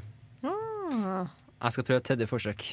Fallout 3 og Fallout New Vegas. Der skjer det ting kun på spesielle tider av døgnet. Kan, det er for eksempel i uh, en av uh, en Neptun. Ja, i fall en rett ved siden av den der eh, skumle månebasen, så det, har noen farmers et problem med at uh, alle de muterte kyrne deres blir skutt ned av noe. Og så Hvis du da er ved siden av kyrne rundt midnatt, så finner du ut at det er en usynlig supermutant med en sånn uh, maskingun som holder på å skyte ned for moro. Fordi at av, av en eller annen grunn så gjør den invisible den stealth-boyen da, som har på seg for å bli synlig, gjør den visstnok sinnssyk av en eller annen merkelig grunn, som jeg ikke tror har blitt forklart. Men dere bomma fortsatt. Nei! Men det er spennende eksempler. Det er kjempe. Ja. Men, det, men ja, jeg er skjønner at det er vanskelig når man på en måte tar tidsestetikk, holdt jeg på å si. Er det Mm. spørsmålet, altså hvor man snakker om tid som, det jeg sa, tid som tema og ikke tid som mekanikk? Mm. Nå, nå er jo på en måte det du nevnte fra Luigi's Mansion er for så vidt tid, litt som en mekanikk, men også Mm. som tematikk. Det var det visuelle i at det var selve klokka, da. Som Ja. var eh, Men nå er det også faktisk tre eksempler fra Nintendo. Det- Tror, du, jeg- tror det- det er tilfeldig? Jeg tror det kun er Nintendo og Dali som egentlig bryr seg om estetikken til klokken. ja, et, et litt sånn morsom greie, da, uh, som jeg kom på nå, er i uh, Golden Eye. Hvor startmenyen din, eller pausemenyen din, så tar uh, bånd opp klokka, og så kikker du på klokka, og så går du inn i en pausemeny. Og da er Mm. hel, hele altså, helsa di er langs viserne, på en måte. Og, og liksom ymse. Da har de brukt liksom interfacen av en klokke med at nå har du pause. Nå stopper vi tiden, og så står du og ser på klokka, og da ser du også klokka så stille mens du er i menyvalgen. Da. OK, fjerde forsøk. I. Metal Gear Solid 5 så har du muligheten til å spore fram tida, og måten du gjør det visstnok, for du har ikke hatt de visste ikke det på Grand Zeros, men de skal visstnok ha muligheten til å gjøre det i Phantom Pain, er at du ser på en sånn gammel Casio-klokke, og så ser Aha. du mens en dame skriker «Waha!», så går klokka rundt og rundt og rundt, og så kan du velge om du skal vente til neste morgen, neste kveld, eller hva som helst. Ja. Er den godkjent? Den er godkjent. Yes! Oh, endelig. Alt det her er jo bra. Alt det her har jo om tid. Og jeg er kanskje teit som sier at ah, men akkurat nå skal vi snakke om det visuelle. Men det var jo mitt forsøk da, på å prøve å dele opp sendinga litt, så vi Men- fikk noe variasjon. Men tar du referater nå? For nå, jeg følte mange gode temaer kom opp når vi prøvde å treffe det du ville snakke om. Eh, som vi kan snakke om siden kanskje i sendingen. Det er sant. Eh, jeg tror eh, som en sånn siste greie at jeg skal nevne Majora's Mask. Og det kommer til å komme opp senere også, selvfølgelig. Ja, som, herregud. som eh, er det bare Nintendo. Ja, men men, altså, men jeg har jo en barndom som Nintendo. Vet du. Det er ikke før nå i senere tid at jeg kommer til. Det er derfor jeg sendte en mail til dere om at nå må dere vri hodene deres litt. Fordi det er selvfølgelig Nintendo som er tema for meg. Uh, og kanskje det er de som er flinkere på klokketema. Hvem vet? Jeg vet ikke. TikTok. Uh, jeg skal raskt nevne Majora's Mask i det stikket her, fordi Mm. der har du jo denne representasjonen med denne store klokka. Og Mm. hele spillet handler selvfølgelig om tid. Eh, men- Og delvis foregår i Clocktown. i Clocktown, som selvfølgelig Mm. er klokkebyen. Uh, I Clocktown så går klokka, men det gjør den ikke hvis du går inn i klokka, altså selve klokka. Mm. Um, for du har jo Mm. dette meteret ditt hele tiden, som er en, en tids... Altså det er en slags klokke. De har bare gjort det på en litt sånn fancy halvsirkelmåte. Den eneste plassen i spillet hvor denne klokka ikke vises, det er cutscenes, og det er inni denne klokka, da. Mm. Og, mm, jeg, synes, jeg, jeg vet ikke om du kan det ikonisk, men jeg synes den der skjermen du får hver tolvte time, der det står f.eks. for eksempel på første dagen så er det 'Dawn of the first day'. Mm. 72 hours remain. Ja, det er, den er Ganske faktisk skummelt. Dun, dun. Ja, ja, ja. ja den er skikkelig dramatiske klokkelyden. Men altså, jeg liker bare veldig mye hvor mye de har lekt med tid i det spillet. Både at du kunne reversere tiden, du kan få tiden gå ekstra sakte, og Mm. ja, alt. Jeg må jo smaske inn det favorittcella mitt, yes. selv om jeg ser ikke Vi skal, komme, vi skal komme tilbake til det. Uh, TikTok-klokk snakket vi om i stad. Mm. Uh, I uh, Mario Kart 8, som kom ut nå for ikke så veldig lenge siden, så var det en bane som inspirerte av den. Den heter TikTok-klokk. Uh, og der har de laget en litt annen versjon av musikken, som eh, også var i DS-versjonen, hvis ikke jeg husker helt feil. Som de nå har pusset opp, og det er den dere skal få høre her. TikTok-klokk fra Mario Kart.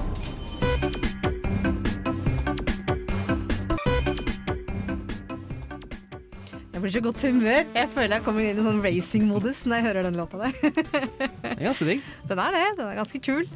Uh, og du kjenner de der klokke og tikkerne, og du får skikkelig følelse at dette handler om tid. Og det, det syns jeg er kult, når man Mm. klarer å lage tid, altså musikkrepresentasjon av temaet som man lager. Innmari stilig. Eh, Bård, jeg tror du best satt ord på det som jeg har tenkt å snakke om i stikket. Ja, hvordan tid gjør verden rundt det dynamisk. Fordi Mm. at du har en god del spill. La oss f.eks. ta Skyrim. Hvor eh, du kommer ut og så, eh, i verden og så bare sånn får beskjed Oh shit, du er den utvalgte. Du er nødt til å stikke hit og gjøre disse greiene for å du redder verden. Og så sa du nei. Så stikker du, og så blir du den beste tjuven, og så blir du kongen av varulver, og så gjør du ditt, og så gjør du datt, og så kommer du tilbake. Og verden er på nøyaktig samme punktet hvor det er sånn Å, shit! Det er så fucka! Du må redde oss! Nå! Og så sier hun nei. Og så tenker du å gjeng til den krigen som har stått stille siden første sekund. Og verden bare rundt deg venter på det hele tida. Mm. Og så har du de spillene som ikke gjør det. De spiller hvor de er helt utålmodige og sier dette kommer til å skje da og da. Du kan gjøre hva faen du vil, absolutt, men vi kommer til å gi det konsekvensene. Dead Rising-serien er veldig flink på dette. Ja. Hvor eh, du, i hvert fall Dead Rising 1, så har du sånn 72 timer som ikke er faktiske timer. Det er ikke et så langt spill. Eh, I eh, dette kjøpesenteret, hvor eh, du hele tida får eh, nyss om forskjellige oppdrag. For eksempel en person sier å shit, vi skal ta og prøve å raide denne plassen her eh, om sånn sju timer. Vi trenger virkelig hjelp med det, for hvis ikke så kommer vi til å dø. Så vær så snill, hjelp oss. Og så sier du OK, og så tar du på en tutu, og så slakter du en hel masse zombier, og så ser du at det er sånn oh shit, det er to timer igjen til jeg er nødt til å være der. Og hvis du da tenker nei, jeg tenker å bygge med en motorsag, så er de folka døde, og du får aldri utnytta hva enn de tar og finner tak i. Mm. Du får ikke muligheten til å gjøre oppdraget etterpå fordi at de folka er døde. Fordi Mm. at verden rundt det er dynamisk. Mm. dette er også med å gjøre tid til en slags ressurs. Så du måtte, OK, jeg har så mange timer, hva bruker jeg de på? Skal jeg bruke Jeg trenger liksom Jeg må hente våpen.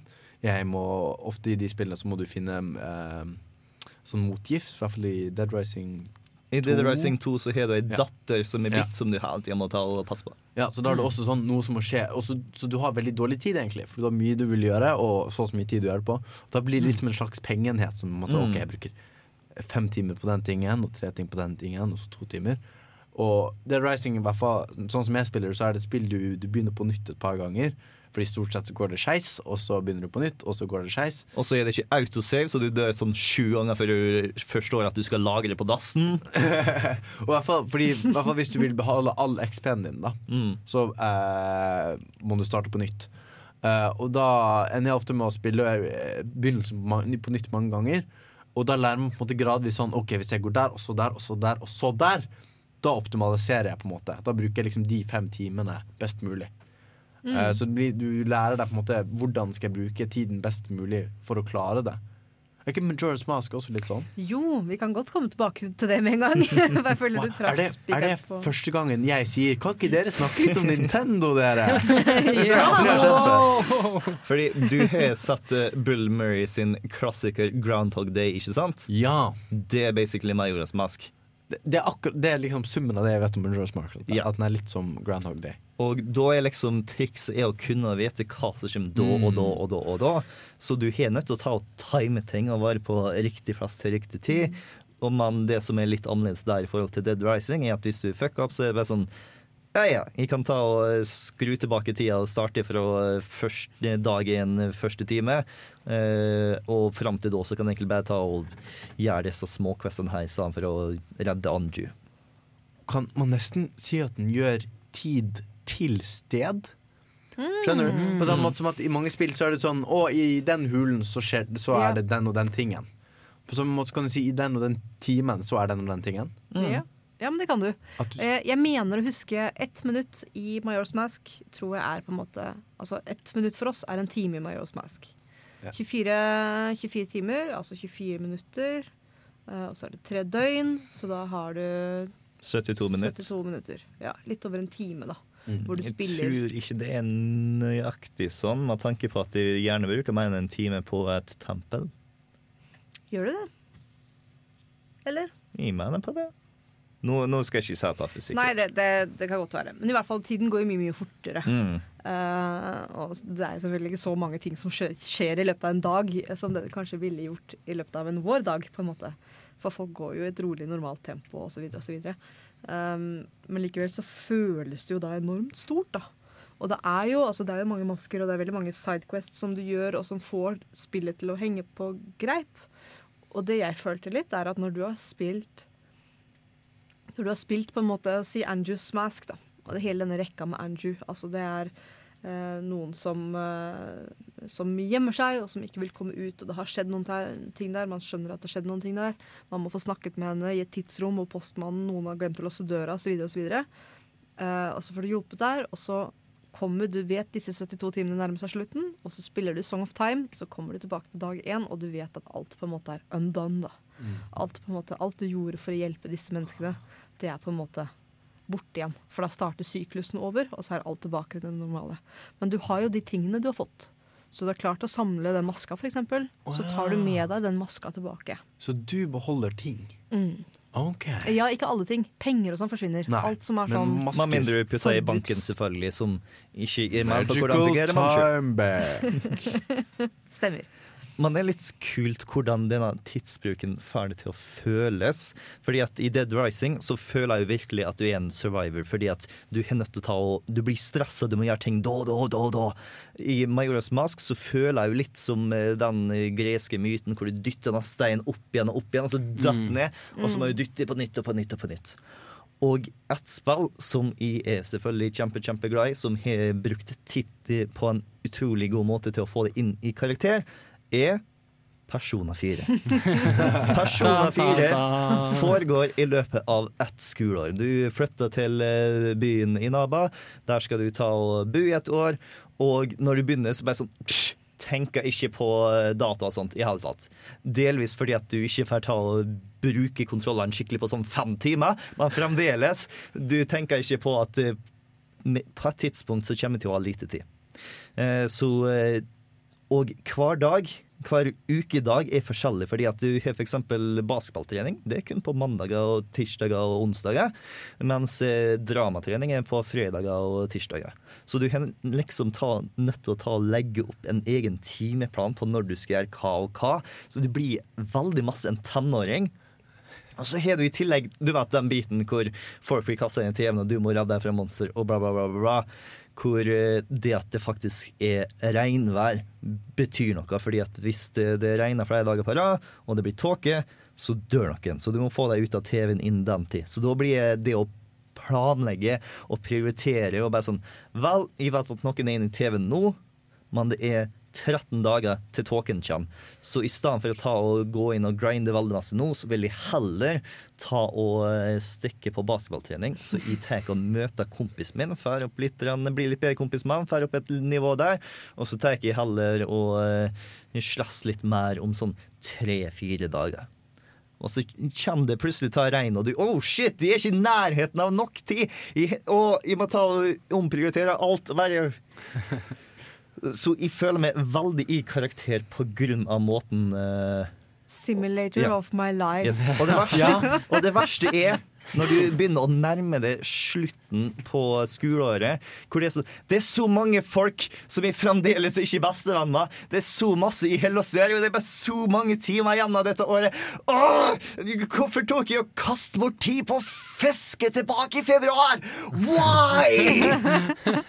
Persona 4 er en analogi for livet ditt. Ja. Og du sitter her og 'jeg kommer til å dø'. Hvorfor brukte jeg så mye tid på å fiske i februar? Helvete. Nei, nei, men det kan faktisk ses på som en slags, om ikke en analogi for livet, så i hvert fall en analogi for liksom stresset man føler da som tenåring, ja. og som for så vidt jeg føler nå. Ja. Altså shit, så mye ting jeg har lyst til å gjøre, og så kort tid jeg har å putte det på. Og så liksom for å eh, Når man liksom skal få overført den følelsen fra et hode til et annet, så må man liksom smøre litt tykt på. Så sier du OK, noen kommer til å dø. Fordi, fordi av og til kan det føles sånn når du sitter der med liksom en prosjektoppgave som du er på en gruppe med, og du, det føles nesten like viktig som at noen kommer til å dø hvis du ikke leverer den oppgaven. Mm. Det er jo selvfølgelig ikke det, men du blir så fanget i det øyeblikket at tid blir kjempeviktig. Mm. Og hvis du skal på en måte skape den nesten den panikken i noen, da, så i hvert fall gjennom et spillmedium, så må du liksom smøre litt tykt på, og da sier du 'regn, tåke, noen kommer til å dø'. Mm. Kan jeg gå over på et nytt spill? Sure. Eller- Det er lov. Aha, fordi uh, Pokémon Okay. Så blir det mer Nintendo. Um, fjerde generasjon Pokémon-spill. Så uh, ikke Ruby, men eh, Eh, er det disse Pearl og Pearl, ja. Jeg spilte bare Pokémon Silver. I hvert fall fjerde Oh, generasjon. yeah. Fjerde generasjon er Der. High five. eh, Faktisk, Nei, et av elementene her er at de har tid som følger vår tid. Altså dag og natt. Mm.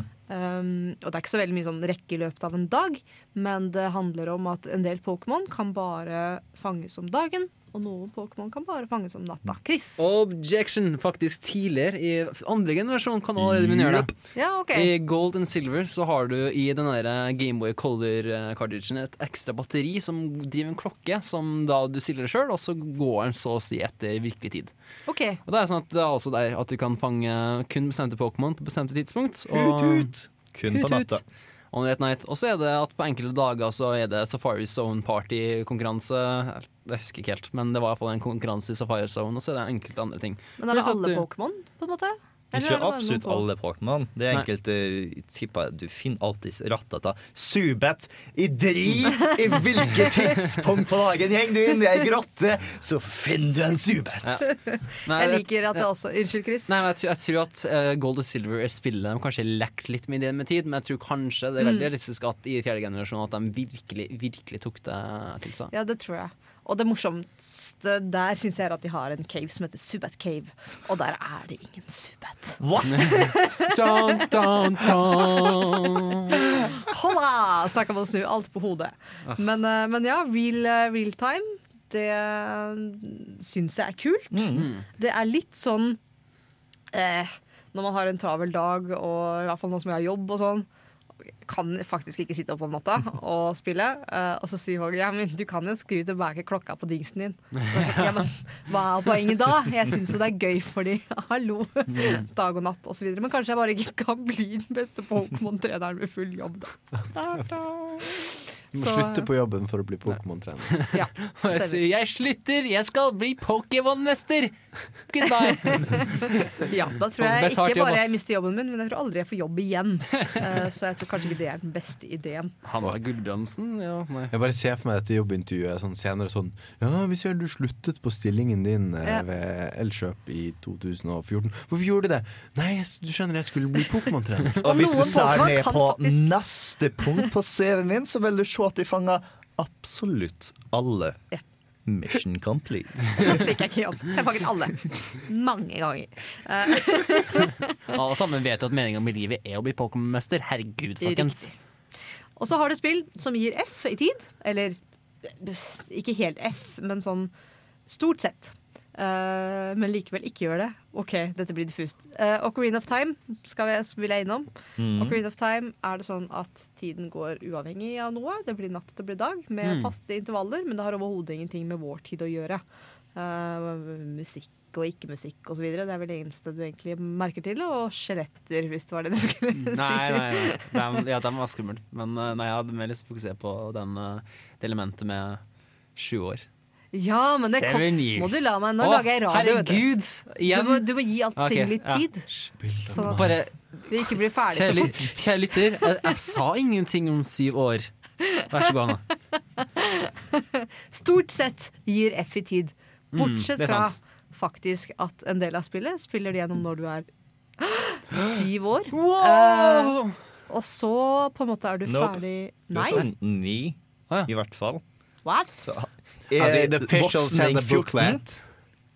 Å, ok, Også, Jo, sov syv år, kanskje. Ja, han sov syv år. Eller sov, eller jeg ikke sov. Har han en alder? Jeg tror Ja. at vi vet at Uansett da, så vet vi at på et tidspunkt som en kid Så drar han ut Master Sword Og så blir han lokt i Ja, sjelen ja, hans sjelen reiser ja. syv år frem i tid, Ja. egentlig. Hele bevisstheten hans Og du kan- over ja. noen år. Mm. Og du Fordi, kan- ja. fordi de har dårlig tid. Fordi Ganon stresser så fælt, og så må du bli voksen litt fort. Så vi det faktisk... som Tom Hanks-filmen Big.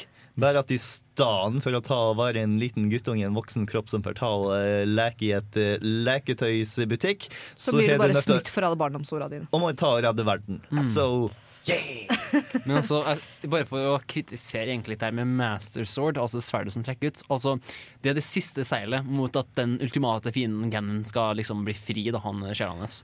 Altså, hvorfor har du det som failsafe? At det mest mektige sverdet noensinne også slipper fri den mest mektige fienden noensinne? Man vet, man vet at folk har mye frustrasjon når du bare føler for å påpeke det når vi først snakker om spillet, men det har ingenting med temasendingen å gjøre. Nettopp! Nei, jeg bare. Nettopp! Men det er greit. Jeg ville faktisk bare kommentere det så jævlig praktisk. da At Hvis noen uheldigvis slipper løs Ganon, så har du også så har også denne personen et middel for å løse problemet. Det Det hadde vært veldig dumt hvis det liksom Det var å plukke opp et par tøfler. Ja. Eh, og så sånn, shit, OK, du må stoppe gammen. Du har disse tøflene, da. Lykke til. Men når du først skal slippe løs alt helvete som må skje innimellom, så er du i hvert fall forberedt, da. Det er litt Ja. sånn vent, vent til jeg er klar, i hvert fall. Nå kan du, nå kan du slippe den løs. Da er det greit. Mm. eh, nå begynner jeg å gå tom for eksempel. ja, Du har Det har et vært annet Zelda-spill også, Oracle of Ages, hvor du tar og hopper sånn flere hundre år. Så du kan ta og plante bitte små frø i fortiden, og så hopper jeg fram og sier det gigantiske treet du kan ta og høste frukt ifra. of Sisen. Ja, eller Zelda er glad i tid, Mm, ja. egentlig. Kanskje det er derfor det er Heter ikke. Link the Hero of Time, eller noe sånt? Eller er det bare i det er- Ocarina of Time Nå- og ja. Mask-versjon er den som er Ja. Hero of Time. Du, du skjønner det finnes flere linker som har flere forskjellige navn. Det er en lang timeline. Altså, det hvordan, finnes hvordan er disse koblet sammen? Altså, hva er Det er en offisiell timeline. linken mellom Å, herregud. Men iallfall Uforventa penn. Ja. Boom. Jesus. Men ja. Kort versjon. Det, finnes, det deler seg fra Ocarina of Time. Der du har en versjon der uh, du har eh, unge Link som overlever. Du har en versjon der uh, voksen Link fortsetter som vanlig, og du har en der Link feiler. Og det er der tidslinjen deler seg opp, og du får mange nye linker. Og det er bare Tidslinje, you say. Mm. Altså, er det, er det inn, Hanna, er det innenfor å snakke om sånn eh, alternative verdener og sånn? Ja. Hvor du har sånn tidslinjer som Bioshock Infinite. Ja, for eksempel. Mm. Ja, kjør på! Vi snakker Kjør om. Bioshock Infinite. Um, ja, fordi den hadde veldig tidsmekanikk. Ja, Det var- eller, om ikke tid, så i hvert fall at du kan hoppe fra mellom parallelle universer. da i, Mm. Skal vi gi litt uh, Bioshock Infinite 101? Ja, spoiler alerts! Til de som ikke har spilt det, så er det en, uh, en jente i Bioshock Infinite som har kraften å kunne hoppe mellom parallelle verdener. Elisabeth. Elisabeth kan hoppe gjennom, eh, mellom parallelle verdener, og kan hun hoppe i tid? Um, ja. Ja, hun Ja. hoppa frem til sånn 1983 og ser Star Wars Revenge of the Jedi. Oi! Er det en uh, easter egg? Det hørtes ut som en skikkelig det var dårlig med i en av de første trailerne. Det var det originale navnet på Return of the Jedi. var Revenge of the Jedi Og Derfor så viser det at det var en alternativ tidslinje hun hoppa frem til. Det er i hvert fall For du får sånne Du får sånne uh, stikk tilbake. Og det er veldig mange sånne små fun facts gjennom hele. Blant annet så er det en musiker eh, som har laget Og det er derfor du har Det skurra for meg. Ok, jeg må begynne fra begynnelsen av. Dette er forvirrende tema. Jeg må begynne fra begynnelsen av I begynnelsen av spillet så er det et område hvor eh, eh, det står noen eh, kjekke karer på et eh, flyvende fartøy Ja, og synger. ja. God only knows. God only knows. Ja, Leter og da tenkte jeg at ah, crap, er det så dårlig research i det spillet her? Jeg tror vi har snakket om dette før. Er det så dårlig research i det spillet her at de har bomma på tiden, liksom? For dette er jo lenge før denne låta blir til. Og så kommer det da med disse voxaphonene etter hvert frem at man har uh, kunnet åpnet en rift og liksom spionere på, på fremtidens sangere. Og så har de hentet da disse låtene og endret tidslinjen. Fordi de skapte låtene før de egentlig skulle bli til. Mm. Så han er jo egentlig en fake, han, eh, han som har laget, uh, laget disse låtene. Og det er ganske kult. Så um, det, det var Ja, ja. gøy å ha en sånn derre Ah, de har fucka opp spillet. Og så Mm. var det sånn in my face. Ja, for var de jo- hadde det ikke like Det var jo Beach Boys som hadde laga den først, var det ikke? Eller det som egentlig laga den? var det De, det var de som skulle- egentlig skulle lage den, Ja, og så lagde han kom den først. Barbie Quartet med den her. Riktig. Ja. Åh, der var du rask. Og elsker låta for øvrig. Og det var eh, Det er fascinerende. Så ja, definitivt. Hun kan eh, bygge portaler i tid og plass. Uh, men jeg syns ikke Bioshock Infinite utnyttet det til å gjøre noe virkelig kult. Spesielt slutten. Kan vi snakke om slutten? Ja, ja, på tidspunktet her Når kom den ut igjen? 2013? Det er, det er såpass lang tid siden at jeg føler Spoiler alert! spoiler alert. Jeg har anmeldt spillet sånn to ganger med spoilers, tror jeg. Jeg tror tiden er moden. Så. Ja. Hopp fram to minutter om du ikke har lyst til å høre dette. Ja. Eh, fordi der, der uh, snakker de om at uh, oh, There's always a lighthouse, there's always a girl, eller noe sånt. Ja. Eh, og på en måte hvordan dette har skjedd uendelige ganger. Du har uendelig antall parallelle universer. Eh, og dette bruker de til å lage to til spill om Rapture. Ja. Men syns det er en fullstendig waste. At, på en måte, det er så mye du kan forsiktig. det, er, det, Ja. det, det knytter sammen en tidssirkel, Ja, men men-. Er det, er det download-content du snakker om? Ja, det er sen. Fordi jeg synes det er så altså, Du får på en måte en, en mulighet til å utforske liksom uendelig antall variasjoner og paralleller og ting som knytter sammen. Og så velger du den du gjorde forrige gang. Det er litt rar. Nå, nå, Jo, jo, men det er en sånn alternativ versjon av den du nettopp gjorde, satt i det du gjorde forrige gang. Men- Siden du har samme karakterene i det forrige plassen. Nå sa vi ikke helt egentlig hva og hvordan ennå. Gjorde vi det? Spoiler alert. OK, så det viser seg at du har han eh, protagonisten og Comstock, og dem er samme person i forskjellige dimensjoner. Ja. Jeg, jeg, jeg, Og dem- ja. jeg føler ikke det, det, det handler ikke så mye om tid som du handler Eller Ja, kanskje. Alt handler om tid. Alt handler om tid. Ja, det handler ikke om tid. Og kanskje være forsiktig så vi ikke liksom sprer oss fullstendig dette blir. Dette er jo problemet som jeg kom fram til Når jeg skulle lage denne sendinga. Ja. For hvordan får jeg dette til å ikke flyte ut? Mm, For det er jo ja. veldig mange paralleller du kan dra til som for så vidt har med tid å gjøre, men Ja. som ikke gjør det likevel. Men jeg føler ikke altså, OK, ja. Eh, ok, Jeg vil si Bioshock gjør en grei jobb å utforske tid, kanskje tematisk, men ikke så bra i mekanisk. Mm. Eh, at ja, du har den at Elisabeth kan åpne opp forskjellige ting, og så kan du enten få en health kit eller et maskingevær. Det er liksom ikke det villeste. Eh, det syns jeg er andre spill som bruker eh, tidsreiser mer spennende, da, som mekanikk, og ikke bare som uh, tematikk. Jeg har hørt, jeg har hørt gode ting om Chrono Trigger. Jeg vet ikke om du vil snakke om det senere, Bård? Jeg har ikke spilt Chrono Trigger. Det oh, ja. Jens Erik som er champion for det spillet. Oh, ja. Jeg, jeg, eh, har du en kommentar? Ja, det, det føles veldig mer for at endinga i Bioshock Infinite var bare en ting de satt der i siste lite og tenkte ah, vi må slutte der, på en måte. La oss forvirre hele gjengen med en sånn teori om forskjellige dimensjoner og tid, og bare få dem til å Og så ikke forstå noen ting. Det føles veldig sånn ut. At de bare prøvde å få det hengt henge sammen. Og, Er jeg den eneste som likte det? Jeg likte den veldig godt. Ah. Jeg likte oh, Jeg kan snakke lenge om Bioshock Infinite og Bioshock. Jeg Jo, jo, men de to minuttene 1. er over. De to minutter. Ja, det er det. er. Jeg, jeg kan bare si jeg likte Bioshock 1 bedre. Ja, det er Og det, det er det mange grunner til. Jeg lurer på nesten når vi skal kjøre en låt. Så kan vi heller Eh, finne ut av hvor vi skal. Så kan vi ta en pause. Hvor skal skuten gå? Eh, Skuten. denne låta her er fra Persona 4. Eh, Som vår tok seg frihet til å introdusere den. Ja, og eh, det er faktisk en ganske uortodoks låt som brukes til kampmelodien når du tar og slåss inn i TV-en. You like nothing more than a panther herder. Kontroll, alt, delete. Well, you look like an overgrown Kowakian monkey lizard, so I guess looks don't count for much. Hand her over. Reach out to the truth var den låta het for øvrig fra Persona 4. Den versjonen jeg hørte, er en litt annerledes enn den du hører i uh, spillet. Denne her er litt mer radiovennlig, men litt mer trøkk. Uh, men uh, fremdeles veldig glad i den natta. Hanna er forsvunnet. Hun har rett og slett ikke nok tid. Det var ikke Nei!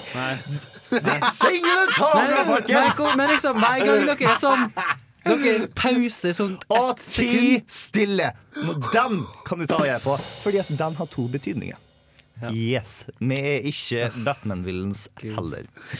Eh, men vi holdt på å gå tom for tid. Unna med knappen, ikke rør Ja, jeg har ikke knappen. rørt den, jeg har ikke rørt den. Eh, og eh, så vi skal ta oss her. ha det bra for i dag. Men eh, vi kommer tilbake neste uke. Og da er det Chris som skal være programleder. Yeah. Og neste uke så skal vi kjøre en litt uh, moromiks, siden vi alle sammen er så travle med våre studier. Og det vi skal gjøre er tapas, det vil si, eller tematapas, hvis vi skal ha ord, sånn bokstavrim.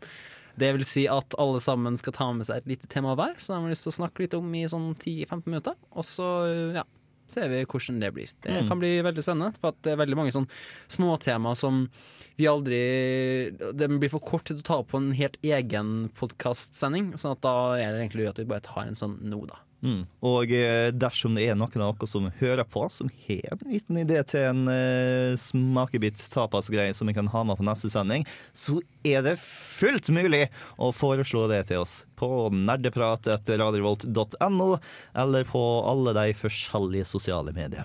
Everywhere. Og tid i spill er også et tema det kan sies mer om. Så hvis du som lytter har noen tanker om tid i spill, så kan du poste på eh, Facebook eller på en av de andre eh, sosiale mediene våre, så kan man fortsette diskusjonen der, hvis man vil. Yeah. Ja. Og eh, vi kommer også til å anmelde Sleeping Dogs Ja. siden den nye HD-versjonen kommer tilbake. Så hvis noen av dere har spilt det spillet og har lyst til å gi dere sine meninger, så er det bare å si ifra. Jeg kommer til å si min mening, fordi at det var et spill jeg har kjempemasse artig med tilbake i tida, og har lyst til å ta og forklare folk til hvorfor de burde ta og sjekke det ut. Mm. Eh, Sjøl om jeg kommer ikke til å eh, snakke om HD-versjonen direkte. Jeg kommer til å bare snakke om hvorfor du har lyst til å ta og spille grunnspillet, Ja, som eh, ikke har forandret seg noe særlig. Du har ikke nødt det er ikke en oppgradering i grafikk som er det som får deg til å virkelig kjøpe det. Mm. Det er alt om det. Og det er meget godt. Eh, vi kommer tilbake neste uke, men i mellomtida så skal du få høre litt på Taylor Davis ta og covre Song of Time and Storms. Cheerio.